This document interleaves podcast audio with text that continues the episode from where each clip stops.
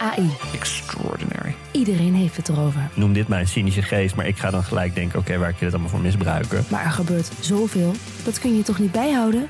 Jawel, want er is Poki. Een podcast over kunstmatige intelligentie... waarin ik praat met supernerd Alexander Klupping... Je kijkt me nu aan een soort van hoezo misbruik. en techfilosoof Wietse Hagen... Kunnen we dit normaliseren? Willen we dit normaliseren? over de wonderenwereld van AI. Do you like me? Status error. Luister, Poki. Ik ga nu ophangen. Bedankt. Dit is De Lange Termijn, een wekelijkse podcast over investeren in aandelen, startups en crypto. Waarin Twan en Jasper jou bijpraten over alles wat er in de markt is gebeurd, hun beste ideeën en hun grootste fouten. Dit is geen financieel advies. Doe dus altijd zelf je eigen onderzoek. En voor inzicht in ons portfolio ga naar delangetermijn.nl. Oh Twan, wat heb ik uitgekeken naar deze podcast? Want? Nou, ten eerste, je komt deze keer niet uit de Veluwe. Je komt niet uit Ibiza, je komt gewoon van huis aangelopen. Ja, maar nog steeds met verfhanden. Ja, dat nog steeds. En nog een paar dagen te gaan, zou te zien ook, vertelde Ja. je.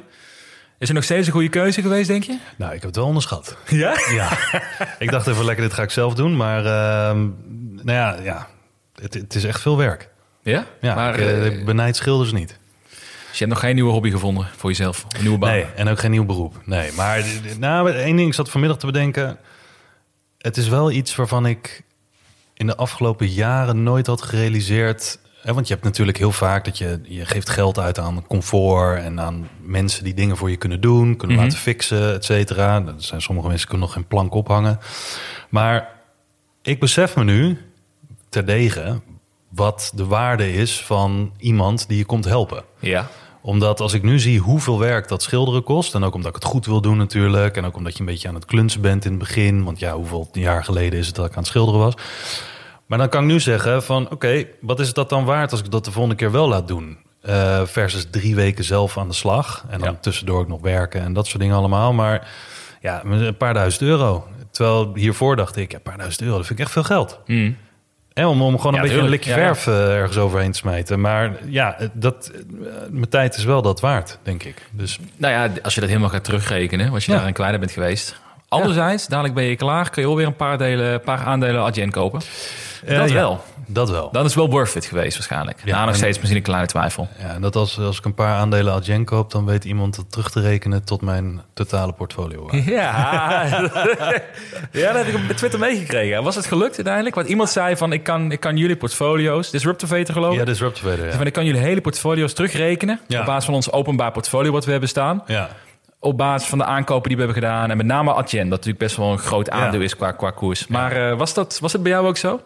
Nee, niet hele- nee, niet helemaal. Maar ik snap wel hoe die, hoe die aan het rekenen was. Alleen, ja, je, je werkt met gelimiteerde informatie. Ik zei ook al tegen hem, je weet niet hoeveel stuks iemand heeft gekocht. Ja. En dat is natuurlijk wel bepalend. Maar je kan wel ongeveer een inschatting doen van hoeveel stuks dat dan zijn. Want als een aandeel, hè, in dit geval, noem maar iets. Stel het duurste aandeel wat je kan kopen, eh, geen idee, 5000 euro. Ja. Ja, eh, ik bedoel, hoeveel mensen gooien in één keer... als ze zeggen dat ze meerdere keren gaan inleggen op een positie... hoeveel mensen gooien in één keer vijf keer dat... Ja. Hè, dus 25.000 per positie erin. Ja, dan moet je wel een heel groot portfolio hebben. Dus ja, een beetje logisch redeneren. Hij zat er niet, niet heel erg in de buurt. nee? nee, nou ja, wel, wel, wel. Nou, weet ik, ik ga ook niet zeggen hoe ver hij er vanaf zat. Maar ehm, het is wel interessant. Want als je openbaar deelt zonder de bedragen, maar wel dat alles, al het andere zichtbaar is, zoals je gemiddelde aankoopkoers, Ja. Ehm, hè, wanneer je het hebt gedaan, hoeveel je transactiekosten waren, et cetera. Je hebt best wel wat informatie om mee te werken. Dus in dit geval, ja, er valt wat voor te zeggen. En als je één keer, wij, of als ik in dit geval één keer zeg hoeveel stuks ik van iets heb gekocht, Ja, de week dan, dan zou iemand het kunnen narekenen. Ja. dat is wel waar. Nee, eh, bij mij was het best wel makkelijk te rekenen. Want je ziet, eh, ik had drie verschillende aankopen, of drie momenten dat ik een aankoop gedaan van Adyen. Dat was gemiddeld 700 euro per, per aandeel. Mhm. Op dat moment was ongeveer 10% van mijn portfolio. Dus ik kan heel makkelijk uitrekenen. Minimaal drie stuks. Want je hebt drie momenten gekocht, Ja. verkocht. Eh 10% van je portfolio, gemiddeld 700 euro. Je hebt dus een minimaal 21.000 euro portfolio. Oh. Ja, ja. Nee, ja minimaal 21.000. Ja, dat klopt. En, Dat en klopt. maximaal wat, 2 miljoen. Ja, ik zei al, ja, dat kan 21.000 zijn, kan 42.000 zijn, kan... Ja. In de stapjes van de, van de, de Maar ik- 7000. Ik, ik, vind het, ik vind het wel, hè, niet om daar gekscherend over te doen, maar ik vind het wel interessant. Weet je, ik bedoel, ja, de- hier, hier leer ik ook weer van. Eh, je kan je best doen om dingen, bij wijze van spreken, om veiligheidsredenen eh, geheim te houden. Maar als iemand er toch heel handig mee omgaat en dat uit weet te vinden, ja, dat is wel iets waar ik van eh, bewust wil zijn. Zeg. Ja? ja? Ja. ja, want ik hou het niet voor niets geheim. Nee, dat klopt. Dat klopt. Ik vind dat qua veiligheid vind ik dat op zich nog wel een dingetje. En misschien zou ik dat helemaal niet moeten hebben, maar daar hebben we natuurlijk een hele aflevering over gedaan. Nee, dat klopt. En als je bewust dat doet ook. En Ja. nou ja, ik denk nog steeds dat het heel moeilijk is, bijna onmogelijk om het op basis van die info in dat portfolio dividend trekken, om dat te kunnen herleiden. Dan zou je echt een minimums kun je bepalen. Maar ja, goed. Maar ik vind het wel leuk om erover te sparren. Dus eh Disruptive Vader, bedankt voor alle... voor de spanning. nee, voor... ook, zo, ook zo'n mooi zo'n berichtje van, ik weet hoeveel jouw portfolio waard is. Oh shit. Ja, maar ik, oh, kan- ik, shit. ik, ik, Welke kan er wel, kan er van genieten.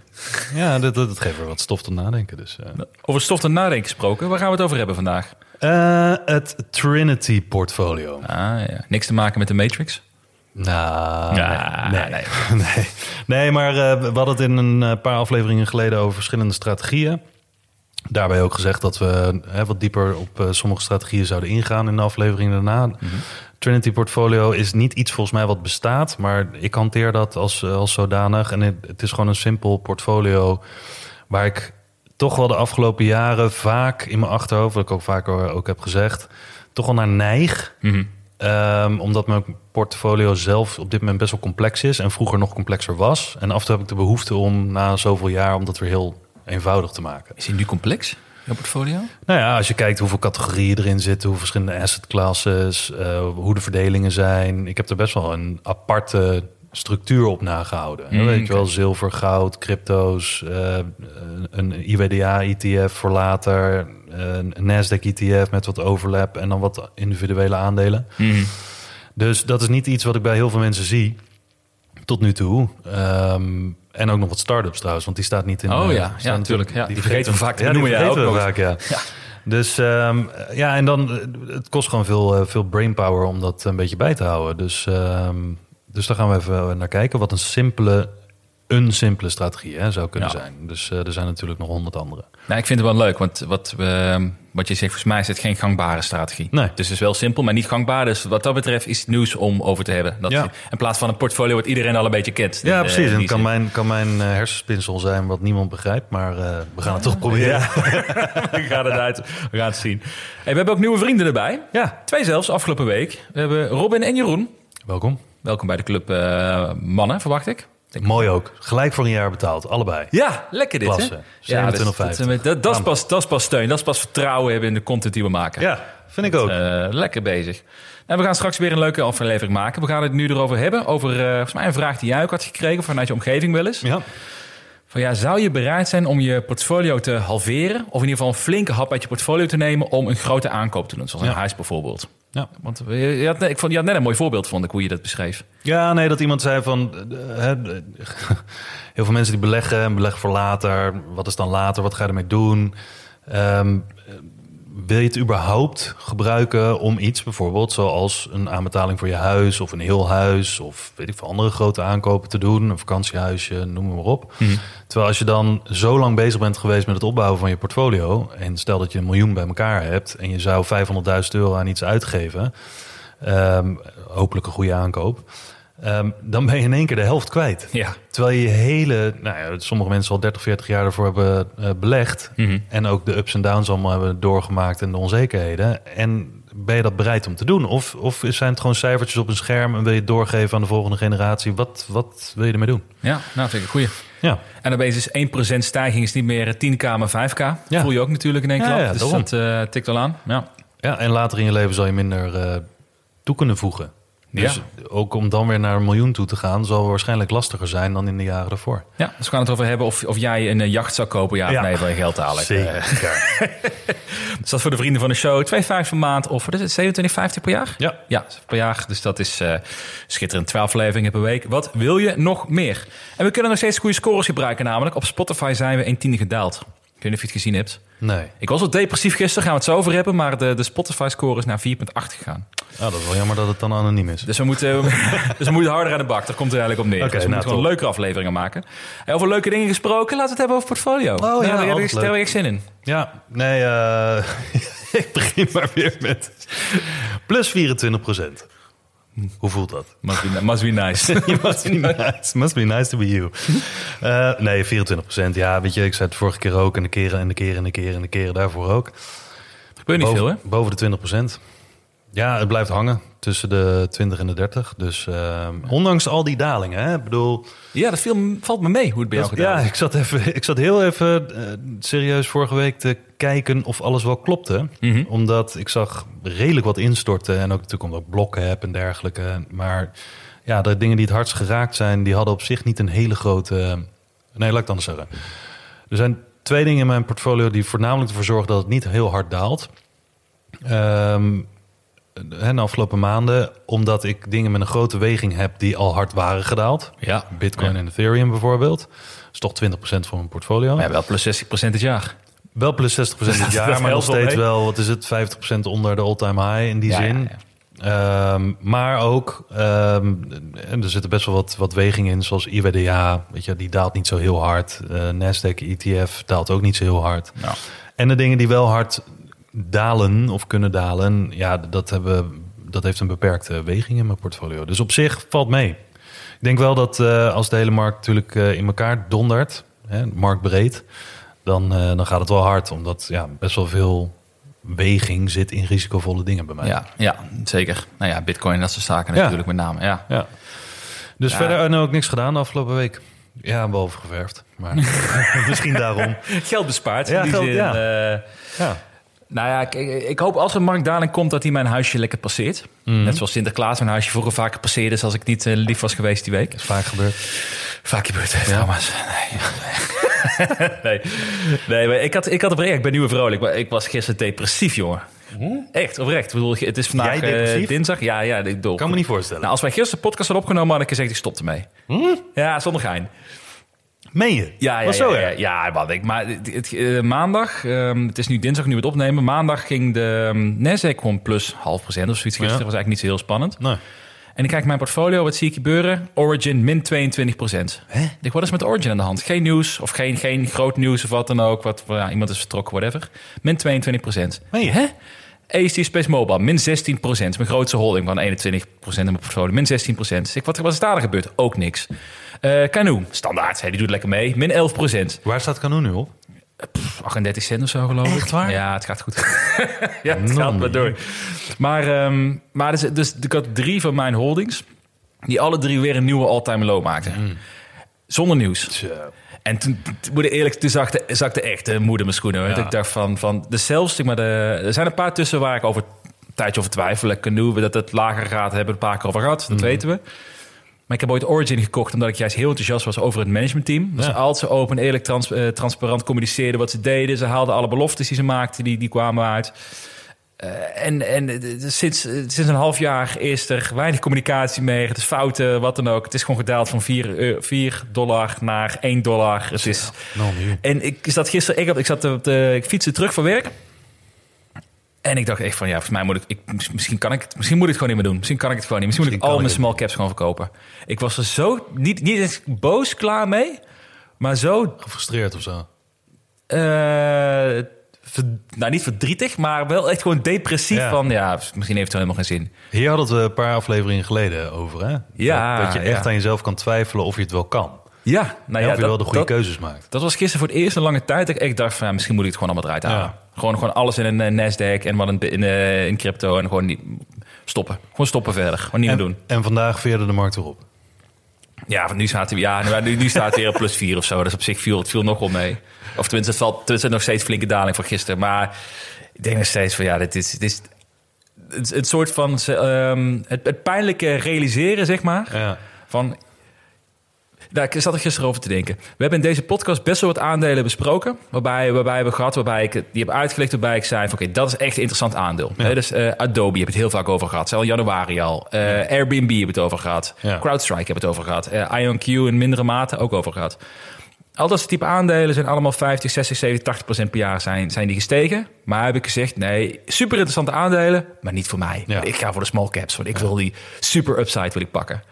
En wat gebeurt er? Die gaan allemaal plus vijf, nou, al die enorme stappen vooruit. En mijn portfolio min 30% dit Ja. jaar. Nou ja, ik, dus, ja, dat was echt even... poh. Maar ja, en dat, dat snap ik heel goed. Maar is het ook zo dat je toch nog wel een soort van positief iets kan zien... dat je, de, dat je een tijdje geleden hebt besloten om toch ook wat andere dingen toe te voegen? Ja, Want als je dat portfolio van, nou, wat is het, een half jaar geleden of een jaar geleden had bekeken... en je had die verliezen nu moeten pakken... dan had je hele grote wegingen gehad in, ja, ja, ja. in die ja. dingen die nu heel erg afgestraft zijn. Nee, zeker. Dan, dan, dan was mijn portfolio een, een vierde waard wat het nu waard is, Ja. denk ik. In Ja. geval, ja. Ja, en ik vind het interessant omdat, kijk, wij, zi- wij zitten natuurlijk dan tegenover elkaar. We hebben allebei verschillende portfolio's. En dit zeggen we vaker, hè, dat het kan voor mij in dit geval, niet, niet omdat ik eh, anders ben of zo, maar het kan voor mij als een belegger type A eh, voelen als nou, business as usual. Ja, Gebeurt niet zoveel. Inderdaad, Nasdaq deed een half procent, niks aan de hand. Terwijl iemand anders, en al die mensen kennen we niet, hè? Ja. Ik bedoel, het is dat ik tegenover jou zit, dat, dat ik dat verhaal hoor. Maar er zullen genoeg mensen zijn die, ondanks dat de markt best wel blijft liggen... of niet zo heel veel spannends doet, gewoon echt de pijn voelen. ja zeker. En dat, en dat zie je vaak ook niet, denk ik, op Twitter voorbij komen... omdat heel veel mensen alleen maar hun succesjes delen... en niet graag de pijn delen. Ja. En ik denk dat er heel veel mensen zijn die juist ook in die small cap zitten. Of mensen die eh, bijvoorbeeld in eh, projecten zitten van crypto die enorm afgestraft zijn. Omdat ze bitcoin te saai vinden of weet ik veel wat. Ja, ik denk voor elke, elk persoon wat een succesje viert. Of wat zegt van nou, er is niets aan de hand. Dat er tien zijn die, eh, Ja. die de pijn hebben. Ja, dat zou... Ik denk dat je gelijk hebt. Want ja, Ik heb gisteren ook van drie mensen voordat ik op Twitter iets over plaatsen zelf. En ik, daarvan ik, eh, ja, ik, ik heb geen zin om een soort slachtofferrol wat ook te krijgen. Want ik was sowieso gestrest als mensen gaan zeggen van... oké, je had betere beslissingen moeten maken. Nou, mijn banknop zou waarschijnlijk rood gloeiend hebben gestaan. dat is ook niet helemaal de bedoeling. Maar ik had drie, met drie berichten van mensen binnen... die ook vanuit zichzelf naar mij stuurden van... joh, heb je het gezien van vandaag?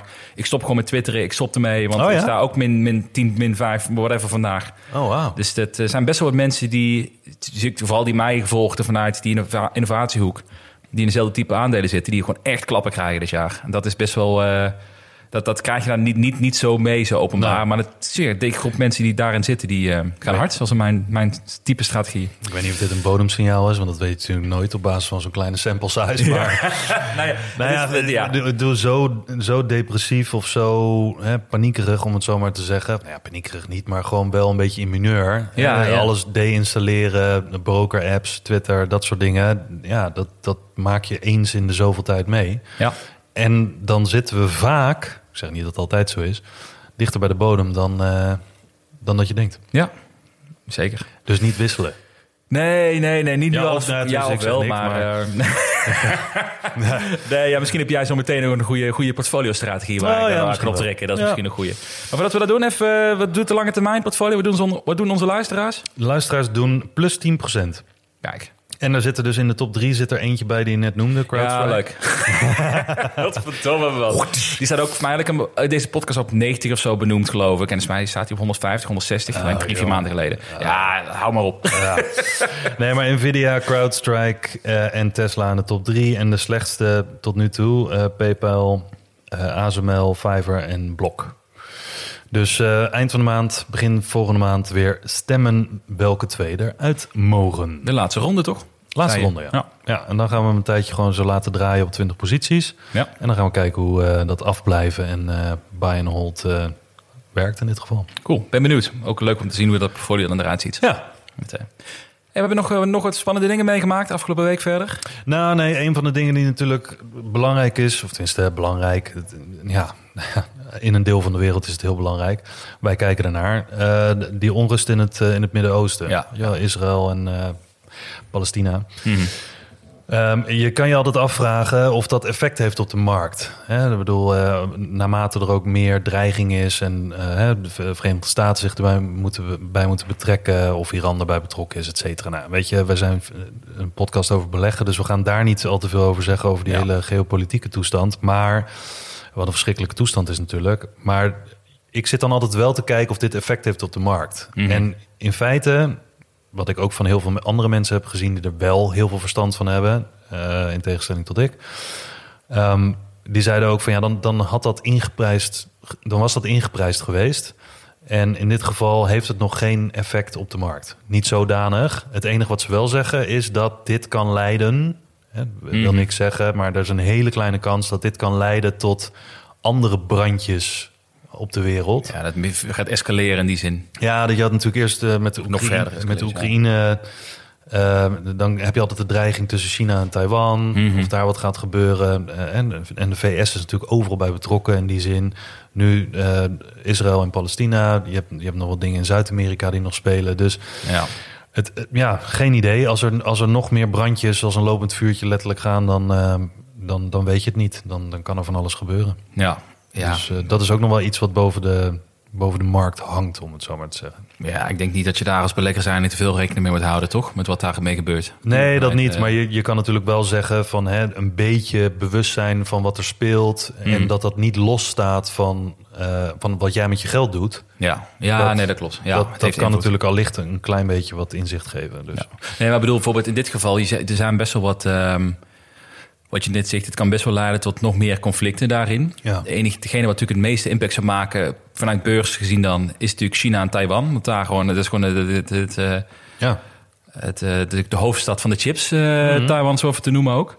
Maar als je daar nu al op gaat aanpassen, van dat dat een serieuze risico is, dan, dan weet ik ook gewoon puur een beetje aan het gissen in. ja, ik denk dat, dat aanpassen op basis van geruchten of mogelijkheden... dat dat op zich te voorbarig is. Maar ik denk wel, hè, als we het hebben gezien met de coronacrash... Ja, Uh, met Rusland en Oekraïne. Toen ja, klapte ook de boel in elkaar.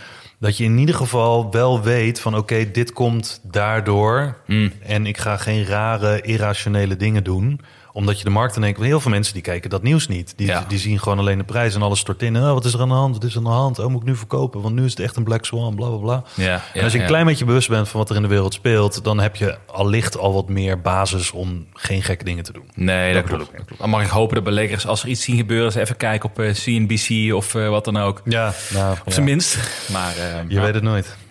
En eh, nog een ander klein dingetje. eh, want er, het lijkt alsof het hele thema een beetje de, de deur uit is. Maar de inflatie. Oh ja, die hebben we ook nog. Ja, Leuk. Henkie inflatie. Die, eh, die, eh, ja, die, is, eh, die blijft dalen. Ehm, en eh, met name eh, jaar op jaar, maar ook maand op maand. eh, als je kijkt naar energie. Dat heeft natuurlijk een heel groot aandeel binnen het inflatiecijfer, het Mhm. CPI. Eh, dat is enorm eh, gedaald ten opzichte van vorig jaar. Want we hadden natuurlijk sky high prijzen Ja, hadden ja, ja. vorig jaar. Ehm, maar daardoor zeggen heel veel mensen van... Ah, alles wordt weer goedkoper. Maar ja, nogmaals, Hmm. als de inflatie daalt, dan wil het zeggen dat alles minder snel duurder wordt. Ja. ja. Het wordt nog steeds duurder. Ik las deze week dat in Amerika, als je kijkt de laatste drie jaar, dat de inflatie, in, zeg maar, maar noemen netto-inflatie, nog steeds boven de 20% is. Van 20,5% is over de laatste drie jaar.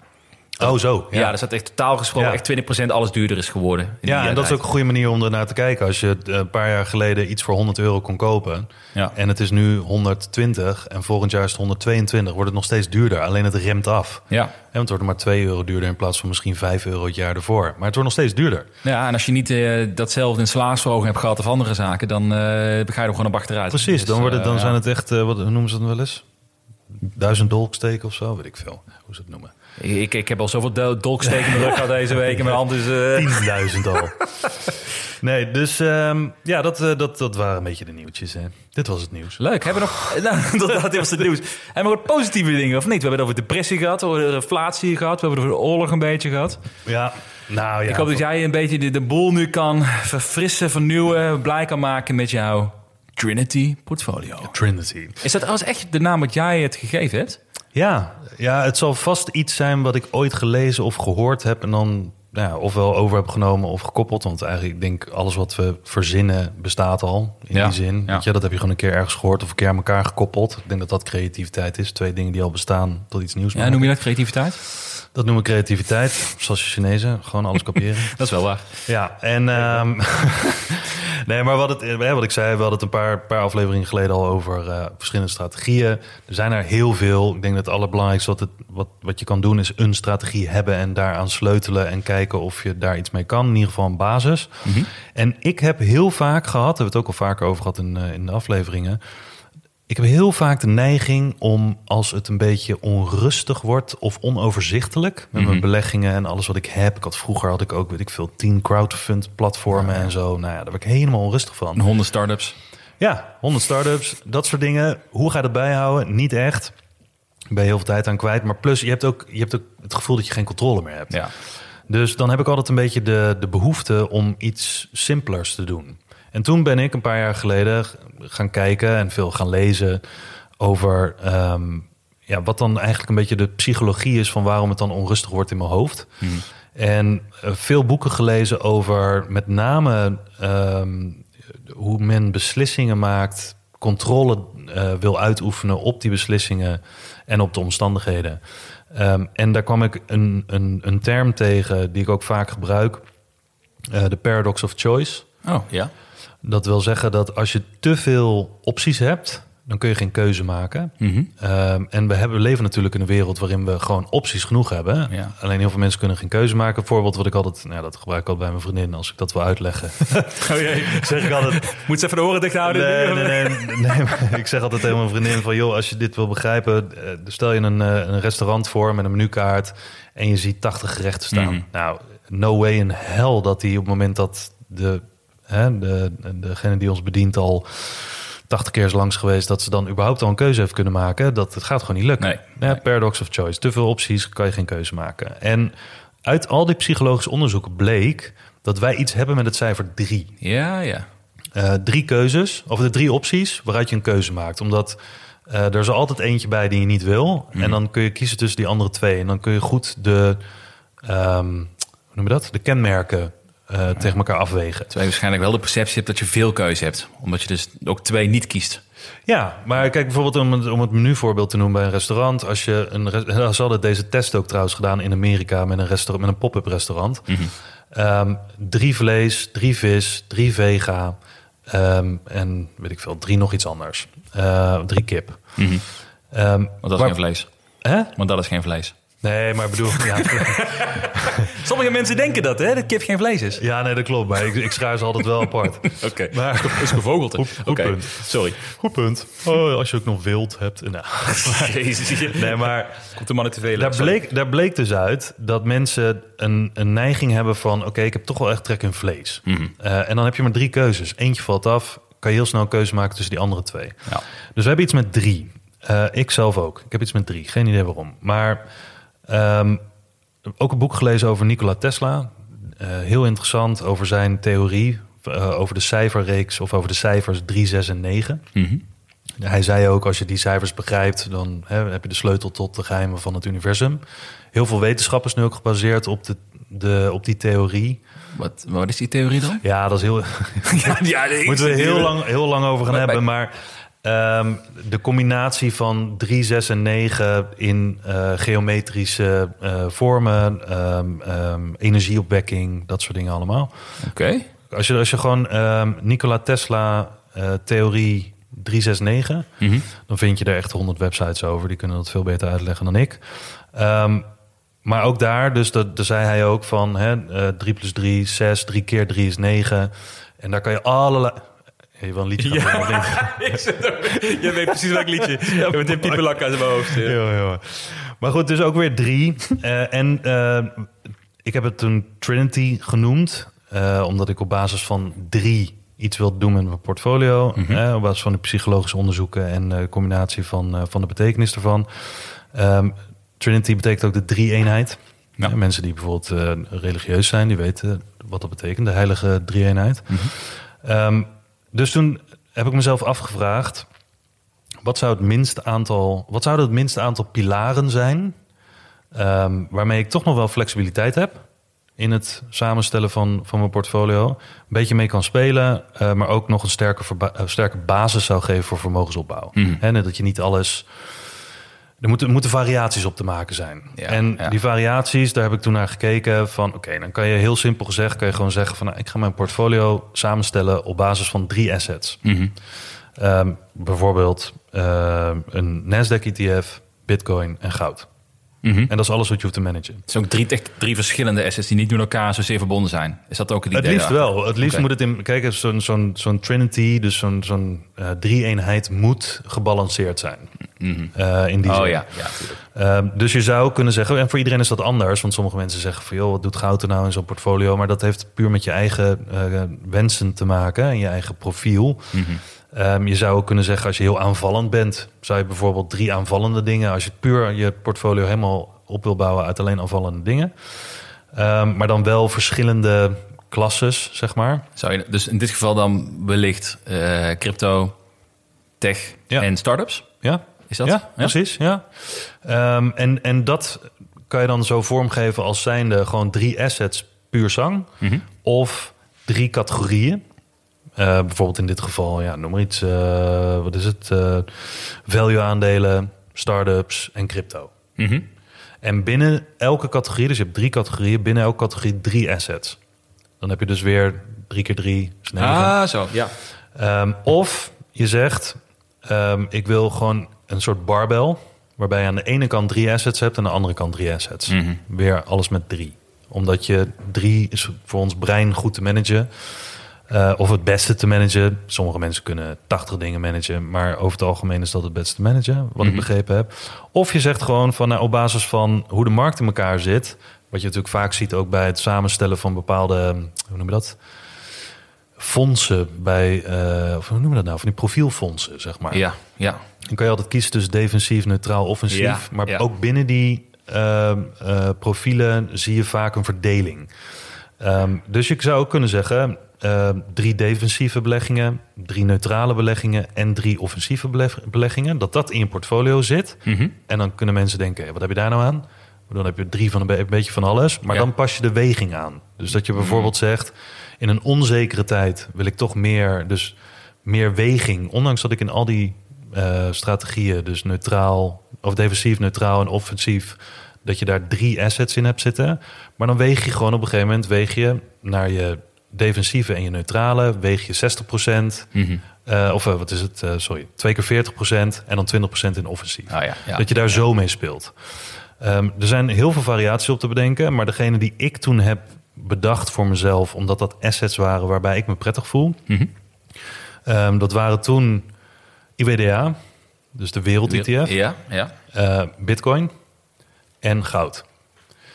En dat was dingen, je kunt vrij, voor jou denk ik een vrij defensieve instelling, of niet? Of, of maakt dat niet zoveel uit in dit geval? Nee, maakt in die zin niet zoveel uit. Want eh, ik heb gewoon die drie assets toen gekozen. Daar heb ik ook heel veel backtests mee gedaan. Maar ja, hè, met Bitcoin valt altijd een lastige back- backtest te doen. Omdat Altijd goed. altijd goed, inderdaad. Dus dan kom je al snel uit op... Oh, je had zoveel mogelijk in Bitcoin moeten hebben. Om het zo maar te zeggen. ja, Als je niet naar de volatiliteit kijkt, maar gewoon naar het rendement. Mhm. Ehm, sinds het bestaat. Maar eh, je kan daarmee spelen in de zin van... Oké, ik wil 40, 40, 20... Dus op een meest offensieve, dus in dit geval Bitcoin, wil je dan eh 20%, want dan heb je Mhm. ook het meeste upside, dus je hoeft niet zoveel te riskeren. Ehm, of je doet ehm 33, 33, 33, ja, nog ergens een procentje bij. Ja. Als je daar prettig bij voelt, daar heb ik ook de hele tijd mee gespeeld. Eh, ook schaduwportfolio's daarmee bijgehouden. En ik moet zeggen, hetgene wat mij opviel daaraan was dat... Ten eerste was het best wel saai. Wat Ja. misschien wel goed Misschien is. wel goed is, ja, ja, ja. Ehm, Hey, keep it size, stupid. Is het Ja. ook, Kis? keep it saai, stupid. Ja, een KISS-portfolio, ja.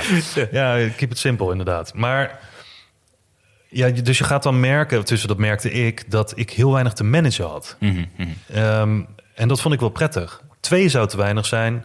Drie was net genoeg. En ik heb daar best wel veel mee, mee gespeeld. En ik heb er toen ook portfolio's mee gemaakt met vier of vijf of hè, meer toegevoegd. Maar toch kwam ik altijd bij die drie pilaren terecht. En Mhm. uiteindelijk is dat mijn strategie geworden. Eh, ondanks dat ik een heel divers portfolio heb. Maar mijn strategie is ook op drie pilaren gebaseerd. Namelijk bescherming, inkomen en ehm, groei. Wat is eigenlijk jouw inkomen dan? Toen moet je inkopen. Nou, ik had toen, eh, wat was een paar jaar geleden, had ik eh, voornamelijk bescherming in goud Mhm. en euro's, dus spaargeld in die zin. Ehm, en ik had VHIL, Mhm. dus die dividend ETF, Ah, voor inkomen. Hm. Ehm, en groei, daar zat alles van start-ups tot aan, eh, tot aan crypto in. Heel offensief. Maar waar- waarom ben je daarmee gestopt dan ook alweer, met die dividend? Nou, omdat ik eh daar gaandeweg, zoals je altijd sleutelt, gaandeweg achter ben gekomen dat dat inkomen is niet voor nu. Hm. Dat inkomen is voor later. Mhm. Dus uiteindelijk vond ik het zonde om dat in die ETF te houden. Omdat ik voor total return wilde gaan tot het moment dat ik het nodig heb. Maar Ja, ja, ja. In, heel eerlijk, als ik nu hè, de volgende week met pensioen zou gaan... of ik zou eh, minder gaan werken of wat dan ook... of mijn potentieel qua verdiencapaciteit gaat naar beneden... dan zou ik die bucket inkomen wat ik nu inkomen voor later noem, Mhm. dat zou dan gewoon inkomen worden. En dan zou ik wel weer dividend gaan gebruiken. Ja, precies. Want dan wil ik gewoon een vaste stroom van inkomen wil ik hebben. En daarnaast staan de twee pilaren bescherming, mocht het misgaan. Ook een soort anker voor mezelf, vaker over gehad. Eh, en groei, want Mhm. daar moet je je eh, groeipotentieel uithalen. En die buckets, die drie, vullen zichzelf of vullen elkaar eigenlijk aan als een soort heilige... Nou, niet heilige. Ja, de heilige trinity, daar Ja, komt hij als, een soort Ja. drie-eenheid. Ja. Eh, hè, wat eruit groei, wat voor winst ik daaruit kan pakken, gaat dan weer naar eh, dividenden, naar bescherming. Wat ik eh, uit dividend eruit ging halen of zou halen, wat ik niet direct nodig heb, kan weer een beetje naar groei, een beetje naar bescherming, zodat je dat allemaal in balans houdt. Hmm, ja. En daarom heb ik het Trinity Portfolio genoemd. En dat is één van de strategieën die ik voor mezelf heb getest en bekeken. Ehm, ik vind het heel makkelijk te managen. Drie, zes of negen ehm, assets ehm, verdeeld over drie categorieën. Ofwel gewoon alleen drie assets gekozen. Mhm. Eh, maar alles moet een functie hebben. En alles moet met elkaar in verband staan. Want ik denk dat heel veel mensen dat ook nog wel eens vergeten. Bij het samenstellen van een portfolio zijn heel veel mensen geneigd om dingen te kiezen waar ze affiniteit mee hebben. Mhm. Maar als er dan iets gebeurt, is er niks wat dat hele portfolio in balans houdt. ja, dat klopt. Zegt de dood op de gladiolen. ja, dat klopt. en, Ja. en er valt ook wat voor te zeggen, ondanks dat ik vaak twijfel of ik dat wel goed doe. Ehm, vooral in goede tijden. Eh, Waarom heb ik goud? Bijvoorbeeld. Ja, ja, ja. Maar het heeft een functie. Mhm. Heeft het een functie in relatie tot dat het misschien 20% van mijn portfolio zou moeten zijn? Nou, vorig jaar ja. Mhm. Maar als er weer een boelmarkt aanbrengt, eh, aanbreekt, ja, dan ga ik dat terugbrengen. Ja, maar dat is denk ik wel, dat is denk ik het interessante aan deze strategie, is dat je niet het gevoel hebt van, dan ga ik volledig mijn goud verkopen, Nee. maar je gaat iets terugbrengen. Ja, ik wil toch een verzekering hebben. Ja, op het moment dat jij misschien een beetje spanning krijgt of wat er, wat er gaande is, je hebt, dan, dan kun je voor jezelf zeggen, ik ga iets meer van mijn vermogen daar naartoe schuiven in plaats van ik ga Ja, heel veel aandelen verkopen om nu veel meer om nu een goudpositie te openen. Het voelt toch meer als een stretch, denk ik, dan hoe je het dan nu Ja. doet. Het is makkelijker schuiven, kan ik me Ja. voorstellen. ja en het is ook letterlijk schuiven. En, ik heb ook, en ik heb ook altijd een doel, voor als ik winst neem, heb ik altijd een doel met dat geld. Want heel veel mensen die zeggen ook van, joh, wat moet ik dan met winst nemen? Mhm. Waarom zou ik winst nemen op eh, bitcoin als hij een hele run heeft gemaakt? Ik zou niet weten waar, waar ik het in moet stoppen. Ja, klopt. Ja, en ik heb dit voor mezelf neergezet en daar sleutel ik nou, jaar op jaar een beetje aan. Maar ik weet in ieder geval, oké, iets in mijn portfolio heeft een enorme run gemaakt. Als ik daar winst neem, gaat er een deel naar inkomen voor later, een deel naar bescherming. En zo vult zichzelf dat aan. En ook in de Klinkt periode logisch, dat, hè, als de hele boel in elkaar stort, maar bijvoorbeeld goud niet zoals vorig jaar, dan kan ik eh, goud, wat in die zin dan een beetje zijn eh, rendement heeft behouden, Mhm. of in de plus staat, kan ik weer wat afschalen en naar bijvoorbeeld groeiaandelen doen, omdat groeiaandelen misschien net 80% zijn gedaald. Ja. Dus ook daar heb ik dan weer een balans in en een soort flow. Ehm, en voor mij werkt dat. Mhm. Ehm, en ik realiseer me heel goed dat er heel veel mensen zijn die zeggen van joh, pff, eh, waarom zo moeilijk? Of eh, eh, dit zou voor mij niet werken, of ik begrijp er helemaal niks van. Waarom, waarom is het logisch? Maar ik denk dat daarom iedereen voor zichzelf altijd een, een strategie of meerdere strategieën moet testen en een beetje de theorie moet opschrijven. Omdat ik denk dat beleggen ook echt betekent dat je het je eigen moet maken. Ja, ja zeker. Ja, zeker om in die tijden zoals als het een keer heel, of heel goed gaat of heel slecht gaat, dat je natuurlijk kan blijven doen wat je doet. Ja.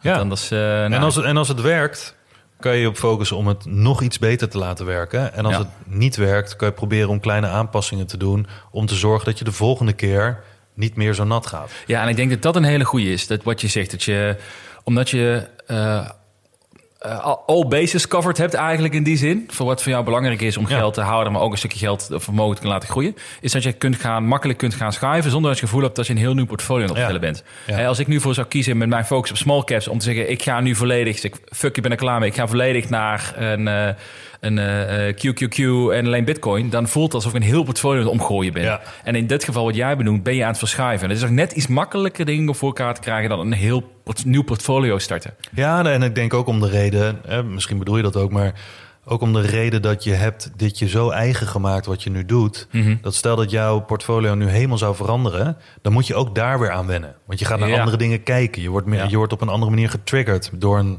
ETF bijvoorbeeld. Of misschien ga je wel verveling meemaken. Daar moet je ook, dat moet je ook je eigen maken. Mhm. En daarom is bijschaven voor mij altijd iets beter Omdat dat is gewoon meer van hetzelfde plus een beetje. Ja, In precies. plaats van dat je weer helemaal moet wennen aan iets heel anders. Dat is toch met veel geld vind ik dat best wel een ommezwaai. Ja, zeker. Zeker stopt met je werk en dan, weet ik veel, je bent eh, consultant geweest bij een grote firma en je gaat ineens slager worden, weet ik veel. Mhm, mhm, mhm. Dat- duurt jaren voordat je daar weer aan gewend bent. Ja, ja, klopt. Dus ehm, ja, Nou, interessant.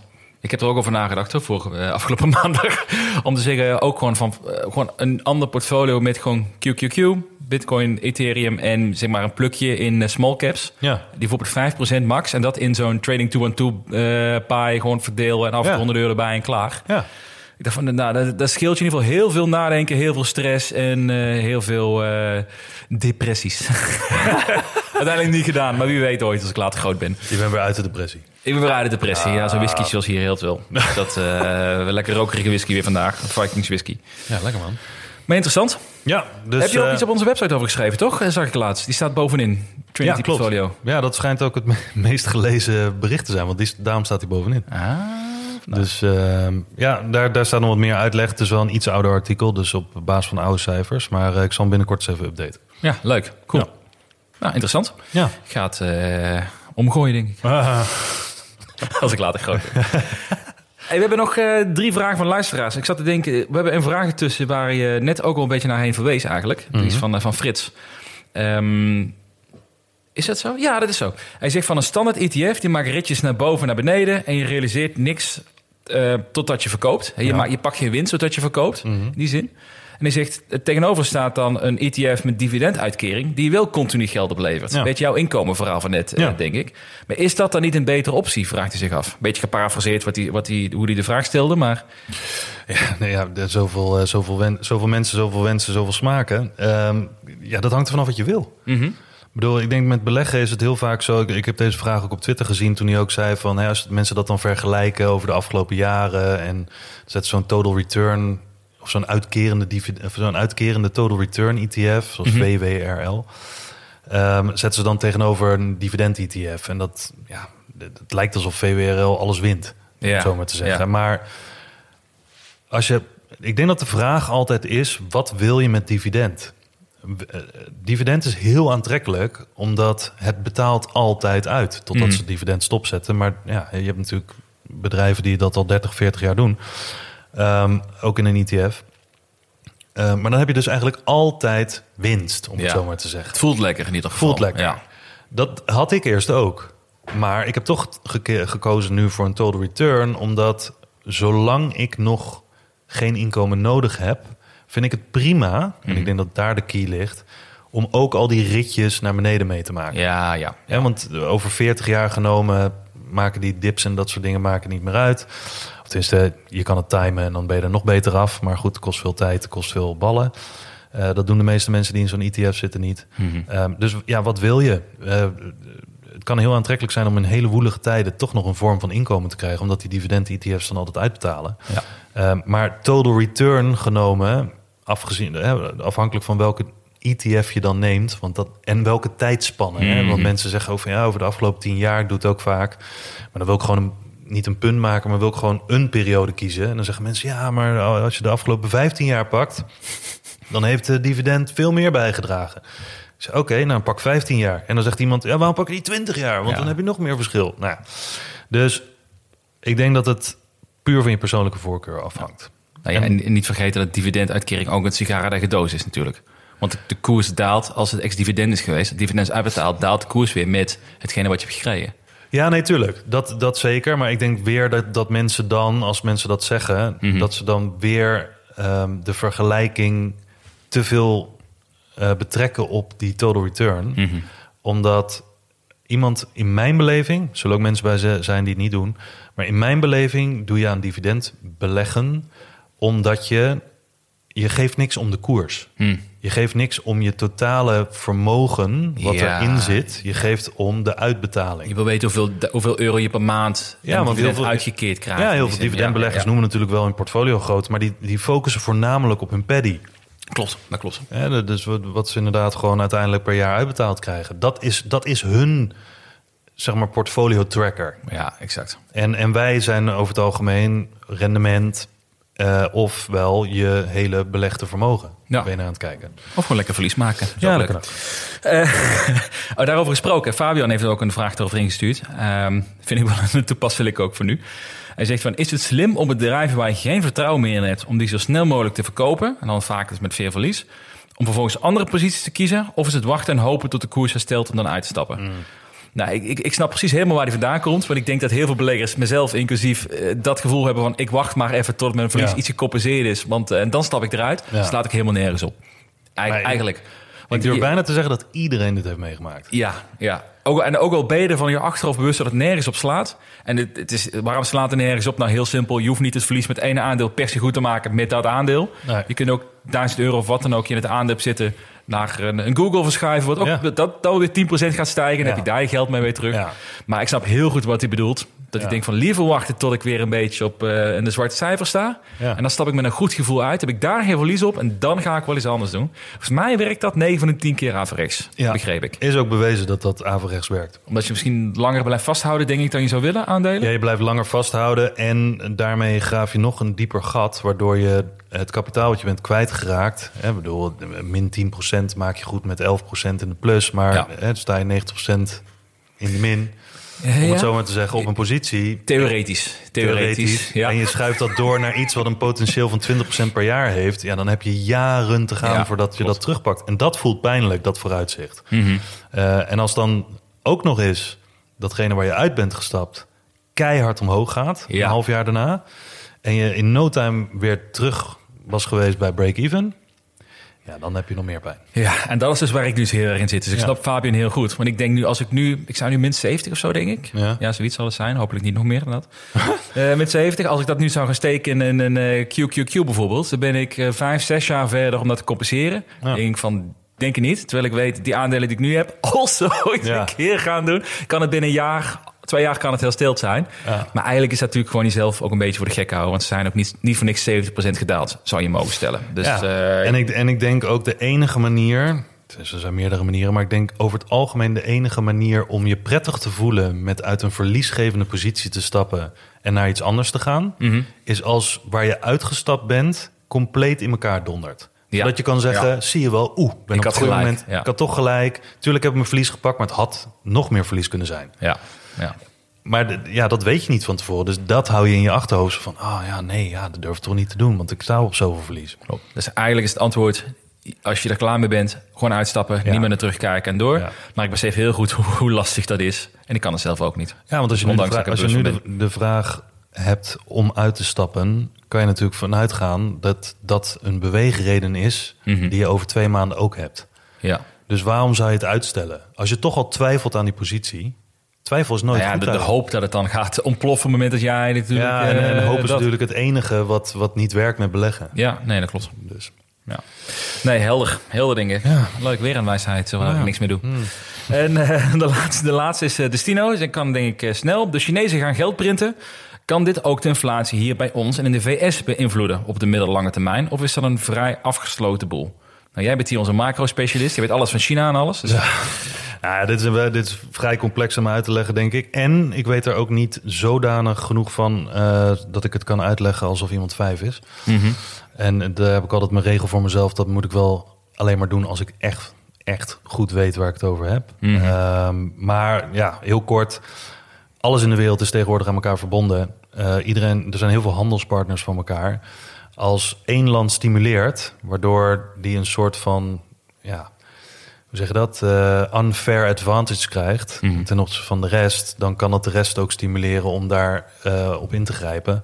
Dus uiteindelijk kan je zeggen dat als ze, in, als de Chinezen geld printen, wat ze dus nu aan het doen zijn, Mhm. echt bizar, ehm, dan heeft dat indirect ook effect op ons. Alleen zal het langer duren voordat Hmm. het effect heeft dan een direct eh, maatregel, bijvoorbeeld in Europa bijvoorbeeld. Ehm, maar ja, daar, daar, daar kunnen we last van hebben. Alleen daar kan in de tussentijd nog zoveel gebeuren. Ja. Ja, er, er kunnen ook andere centrale banken kunnen weer dingen gaan doen. Dus ja, dat is moeilijk om te zeggen. Maar over het algemeen is alles met elkaar verbonden. En merk je linksom of rechtsom wat er in de wereld, in ieder geval met de grote partijen gebeurt, Mhm. en merken wij ook wat van. Mooi. Nou, dan hebben we weer een heleboel besproken in deze aflevering. Ja. Ik voel me ook meteen minder depressief. Oh ja? Ken je dat? Ja, het kan misschien door de whisky te maken hebben. Ja, ik net zeggen. Dat, misschien moet je dat, vaker doen. dat dat ook helpt. Dus, eh, nee, wij gaan verder met eh, de Vriend van de Show aflevering. Wordt weer een leuke. Wat als wij een, deel van ons, een groot deel van ons portfolio zouden verkopen om een, grote aankoop te doen? Mhm.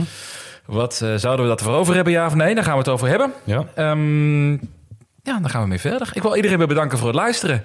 Vergeet niet te stemmen. Want we hebben nog een 1 tiende willen omhoog op Spotify. Mm, ja. Maar goed, ik denk de- vaste luisteraars inmiddels wel gestemd hebben. Dus dat, eh, dat, zal wel geland zijn, denk ik. Maar ja, vind je broertje, je zusje, je vriendin, weet ik veel wat. Er is Ja. vast nog wel iemand in je omgeving die nog even kan stemmen. Kerstmis komt eraan. Geef ze een kerstkaart waarop staat... stem even op de lange termijn. Dat hoort er ook bij. Dat, eh, Wel een drama. Lekker dit. En dank je allemaal weer voor het luisteren. En eh, tot de volgende week.